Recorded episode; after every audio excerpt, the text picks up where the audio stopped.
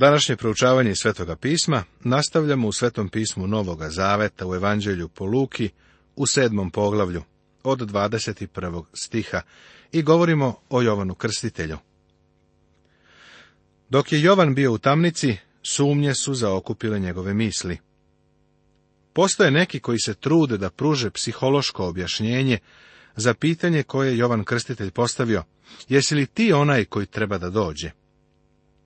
Jovan je tražio Mesiju, želeo je da zna da li je to Hristos. Zabavno je pokušati ovo psihološki objasniti. Oni kažu da zato što je bio u tamnici, bio je utučeno, obeshrabren, bezvoljan, nije mu bilo ni do čega. Ni reči od ovoga ne verujem. Jovan je objavljivao carstvo i optuživao narod. Objavio je da car dolazi. Gradio je put za cara. Jovan je prepoznao Mesiju i rekao je, on će vas krstiti duhom svetim i ognjem. U njegovoj ruci je lopata da očisti svoje gumno i skupi pšenicu u svoju žitnicu, a plevu će spaliti neugasivim ognjem. Ovo su teške reči. Jovan nije očekivao nedeljni izlet sa veronaukom. Jovan je očekivao da Hristos uspostavi carstvo u svoj svojoj slavi i sili. Pošto se to nije dogodilo, Jovan je poslao neke svoje učenike da pitaju Hrista da li je on taj koga čekaju ili da traže nekog drugog.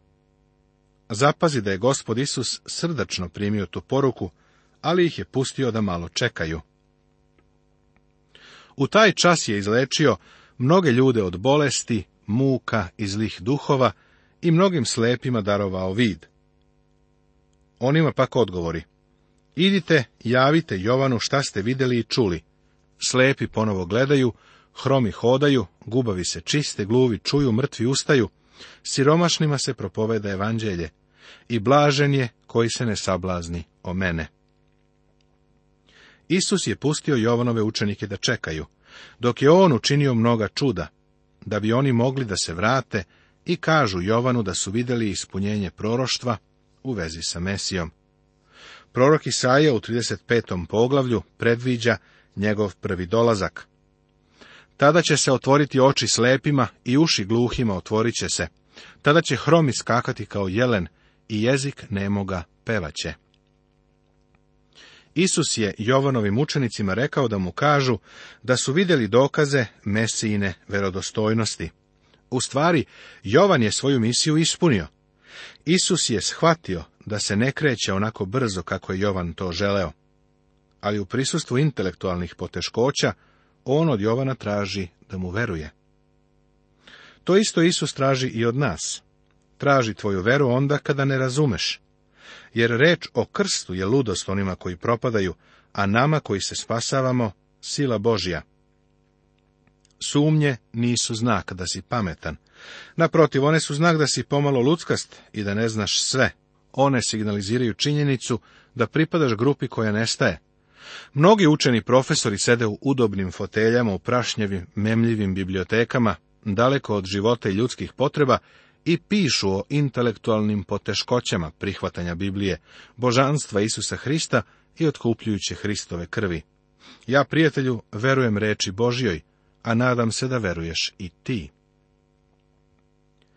A kad su Jovanovi poslanici otišli, poče Isus da govori narodu o Jovanu. Šta ste izišli u pustinju da vidite? Trsku, koju vetar ljulja. Nego šta ste izišli da vidite? Čoveka obučena u meke haljine, gle, koji nose sjajne haljine i žive u raskoši, na kraljevskim dvorovima su. Da li je Jovan Krstitelj bio trska, koji je ljuljao vetar? Jovan je bio surovi grub, bio je neuzdrman, nepoljuljan. Ili šta ste izišli da vidite? Proroka? Da, kažem vam, više od proroka. To je onaj za koga je napisano, gle, šaljem svoga vesnika pred lice tvoje, koji će pripremiti tvoj put pred tobom. Ovo je citat iz knjige proroka Malahije iz trećeg poglavlja Svetoga pisma Starog Zaveta i ovo postavlja Jovana Krstitelja kao mesijinog preteču. Kažem vam, među rođenima od žena niko nije veći od Jovana, a najmanji u carstvu Božijem veći je od njega. I sav narod koji je čuo, pa i carinici, priznaše pravednost Božiju, te se krstiše Jovanovim krštenjem. Ovo je izvanredna počast koju Isus daje Jovanu Krstitelju. A fariseji i zakonici odbaciše ono što je Bog hteo da učini s njima i ne primiše njegovo krštenje. S kim ću dakle uporediti ljude ovog naraštaja? I na koga liče? Oni su kao deca koja sede na trgu i dovikuju jedni drugima, svirali smo vam i niste igrali, kukali smo i niste plakali. Drugim rečima, bili su kao gomila razmažene dece. Mnogi su baš takvi. Bio sam pastir skoro 40 godina, a veliki deo tog vremena proveo sam u ulozi doilje, negujući duhovne bebe, a tu su bili ovi ljudi, religiozne vođe, u Isusovom vremenu. Gospod je rekao da su kao deca koja se igraju na trgu. Jedno od dece kaže, hajde da se igramo svadbe. Drugi kažu, ne, to je suviše radosno. Zato hajde da se igramo sahrane. Ne, oni ne žele da se igraju sahrane jer je suviše tužno. Gospod je rekao da su ova razdražljiva deca baš poput religioznih ljudi. Pitam se, da li je ova slika tačan prikaz prosečne današnje crkve? Došao je naime Jovan Krstitelj, nije jeo hleba niti je pio vina i kažete, demon je u njemu. Došao je sin čovečiji koji jede i pije, pa kažete, Gle čoveka izelice i pijanice, prijatelja carinika i grešnika, i opravdaše mudrost sva deca njezina. Slušam kako ljudi govore, ne sviđa mi se propovednik zato što je suviše intelektualan i njegov ton je monoton. Isti taj narod govori, ne sviđa mi se onaj propovednik jer jako udara po propovedaonici, viče iz svega glasa. Problem nije u ova dva tipa propovednika. Problem je u razmaženoj bebi, koja stalno ima pritužbe. To je gospod rekao u njegovo vreme i još uvijek je i danas primenljivo. Isus ide na večeru u kuću fariseja. Jedan od fariseja molio ga je da jede sa njim i ušavši u farisejevu kuću, leže za trpezu. Ovo je jedna od uglednih prilika, kada je gospod Isus Hristos otišao na večeru. Kada je otišao na večeru, to nikada nije bilo glupo ni dosadno. Seti se, on je optuživao ove fariseje, nazvao ih je razmaženim derištima. Teško je verovati da je poziv za večeru upućen od strane ovog fariseja bio prijateljski. Pozvao je na večeru da bi ga uhodio i otkrio nešto pogrešno kod Isusa. I gle, jedna žena koja je bila grešnica u gradu, sazna da je on u farisejevoj kući za trpezom, donese alavastarski sud sa mirom te stade podno njegovih nogu plačući, pa poče suzama kvasiti njegove noge i svojom kosom otra i ljubljaše njegove noge i pomazivaše ih mirom. Videvši pak farisej koji ga je pozvao, reče u sebi da je on prorok, znao bi koja i kakva je žena koja ga dotiče, da je grešnica. Dok je Hristos bio u kući ovoga fariseja, došla je jedna žena. Donela je kutio od alabastera sa mirom i ušla je u farisejevu kuću. U to vreme, ako si imao goste, tvoji susedi su imali savršeno pravo da dođu i stanu uza zid da sednu i posmatraju. Nisu dolazili da komentarišu, samo da gledaju. Ova žena je došla, zauzela svoje mesto pored gospoda Isusa. U to vreme ljudi nisu sedeli na stolicama za stolom, već su se naslanjali na kauče ili dušeke. Tako je Isus bio naslonjen na kauču sa podvijenim nogama i podoprtom rukom i razgovarao je preko stola sa svojim domaćinom. Dok je ona stajala pored nogu gospoda Isusa plačući, jer su joj gresi bili oprošteni, počela je svojim suzama da kvasi njegove noge i da ih briše svojom kosom. Zatim je ljubila njegove noge i pomazala ih skupocenim mirom. Ovaj stari farisej ne bi razgovarao sa takvom vrstom žene na ulici. Možda bi sa njom imao posla kad padne mrak, kad ga niko drugi ne bi video. Ali po danu ništa nije želeo da ima sa ženom takve reputacije. Kada ju je video kako plače i ljubi gospodnje noge, pomislio je da Isus verovatno nije prorok, jer bi inače znao kakva je to žena, pa sa njom ništa ne bi imao. Isus mu pak odgovori i reče, Simone, imam da ti kažem nešto. A on, učitelju, kaži. Reče, dvojice su bili dužni jednom zajmodavcu. Jedan je dugovao stotina dinara, a drugi 50. Kako nisu imali da vrate, oprosti obojci. Koji će ga dakle od njih više ljubiti? Simon odgovori, mislim onaj kome je više poklonio. A on mu reče, pravo si prosudio. Isus je rekao, Simone, želim da razgovaram sa tobom. Simon je odgovorio, hajde. Ovo je divna parabola koju doktor Luka beleži. Iz sadržaja ove priče možeš uvidjeti u kom pravcu gospod Isus govori. I okrenu se ženi, te reče Simonu, vidiš li ovu ženu? Ušao sam u tvoju kuću, nisi mi dao vode za noge, a ona je suzama oblila moje noge i svojom kosom otrla. Po prvi put gospod obraća pažnju na ovu ženu. Sve do sada ni najmanju pažnju nije obratio na nju, ali se sada okreće i gleda je. Dok je posmatra, govori Simonu koji je sa druge strane trpeze, vidiš li ovu ženu? Simon je već rekao da misli da gospod ne zna kakva je to žena, inače joj ne bi dozvolio da ga dodirne. Sada gospod kaže, Simone, da li stvarno poznaješ ovu ženu? Pogledaj je, misliš da je vidiš, ali to uopšte nije tačno. Gospod baš vređa ovog fariseja, ide mu u zlaku, što bi narod rekao. Iz tog razloga smatram da Isus na večeru nije bio pozvan sa prijateljskom namerom, nego da bi farisej mogao da ga špijunira. Sada gospod govori. Poljubac mi nisi dao, a ona otkako sam ušao nije prestala da mi ljubi noge. Nisi mi pomazao glavu uljem, a ona je mirom pomazala moje noge. Stoga ti kažem, oprošteni su joj mnoge gresi, jer je imala mnogo ljubavi, kome se malo prašta, malo ljubi. A njoj reče, oprošteni su ti gresi. Gospod u stvari govori, nisi mi čak pokazao ni uobičajenu učtivost. Gospod mu kaže da se nije lepo ponašao. Da je Simon bio pravi domaćin, oprao bi gospodnje noge, on ili njegov sluga, pomazao bi gospodnju glavu i poljubio bi ga. To je bio tadašnji običaj, ali Simon ništa od svega toga nije uradio. Nažalost, isto bi se moglo reći za mnoge hrišćane. Čitaju časopise, ali se ne ponašaju lepo. Volao bih da sam prisustvovao toj večeri. Gospod je bio prvoklasan govornik nakon obeda. Ono što je rekao, izbledelo je Simonovu dušu. Ova sirota žena sa ulice bez nade želela je oproštenje nebeski Bog je tu i oprostio joj je. Sada on govori Simonu, ispravno si prosudio, rekao si da onaj ko je najviše dugovao, prirodno je da će najviše i voleti. Pa ona je bila veliki grešnik i mnogo joj je oprošteno. Ali ti, pošto ne misliš da si grešnik, nisi ni molio za oproštenje. I taj licemerni stari farise je sedeo tamo, grešnik, kome gresi nisu oprošteni.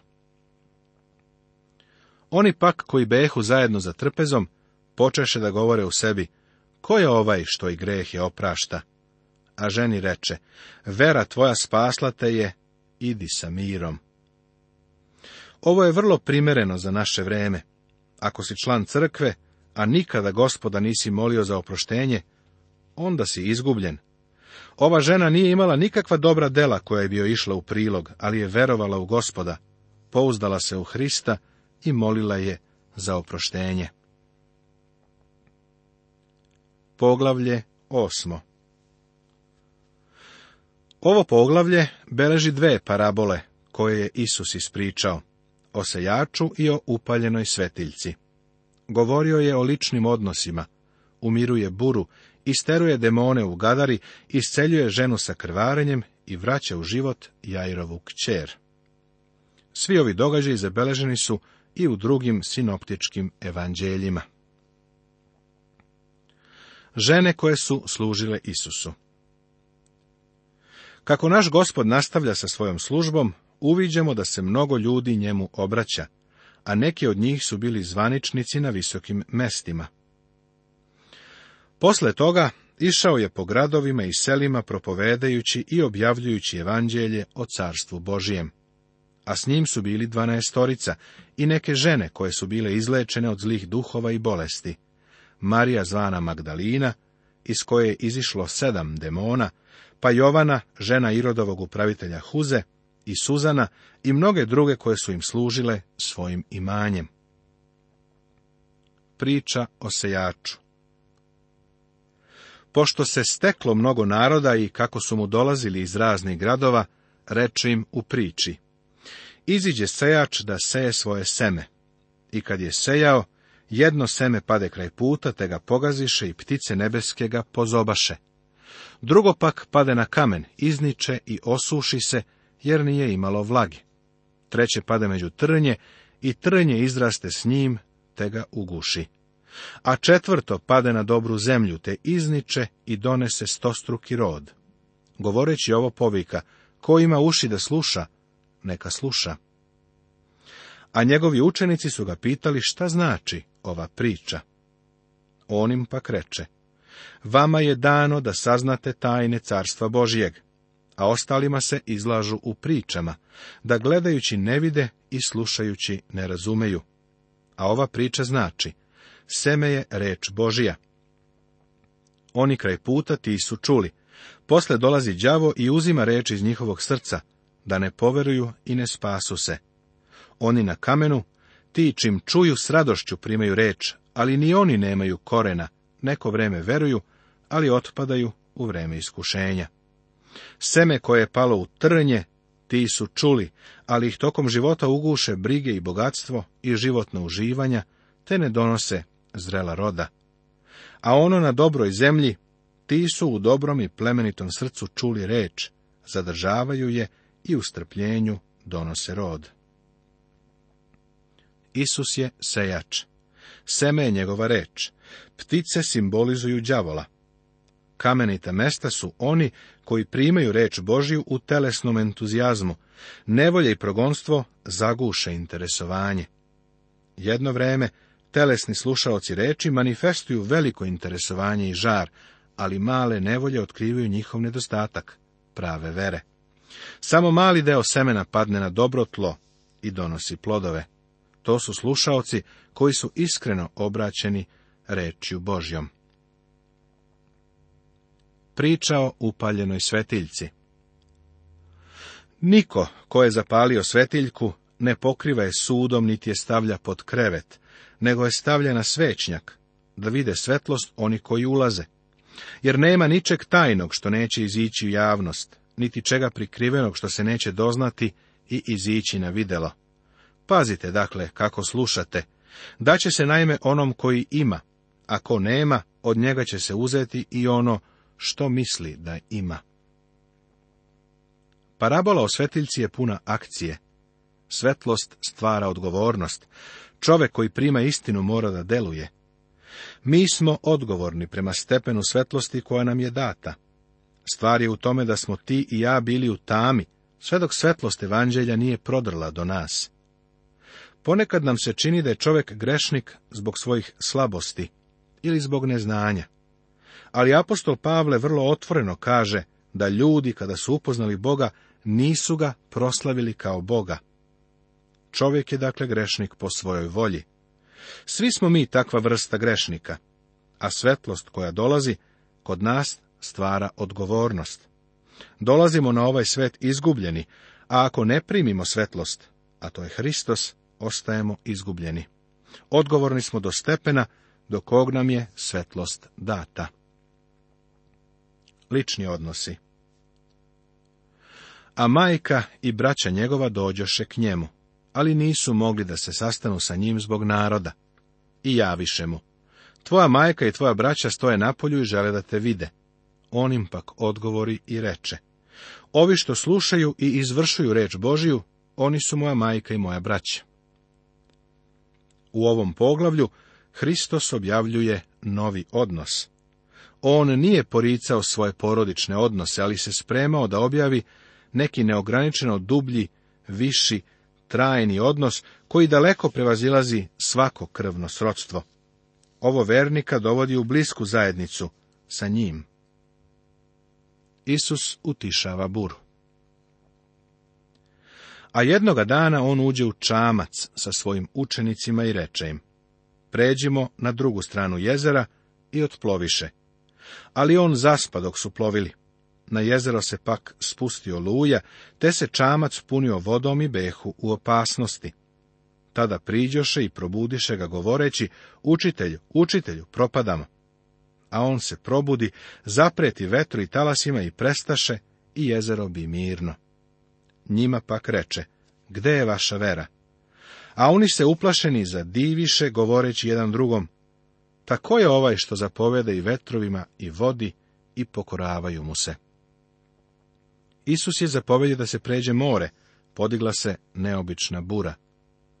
Bura nije uznemirila gospoda, ali je to učinio stav njegovih učenika. Ukorio je vetar i more, kao kad bi neko drugi nešto rekao psu na povocu Doslovno je ovako zapovedio. Čuti. Čudo je u činjenici da je vetar trenutno utihnuo, a more koje je satima besnelo, momentalno je postalo mirno i kao ulje. Koliko često nas on stavlja u bure života, da bismo mu prišli bliže i da bismo naučili kakav je on čovek zaista. Nastavit će se.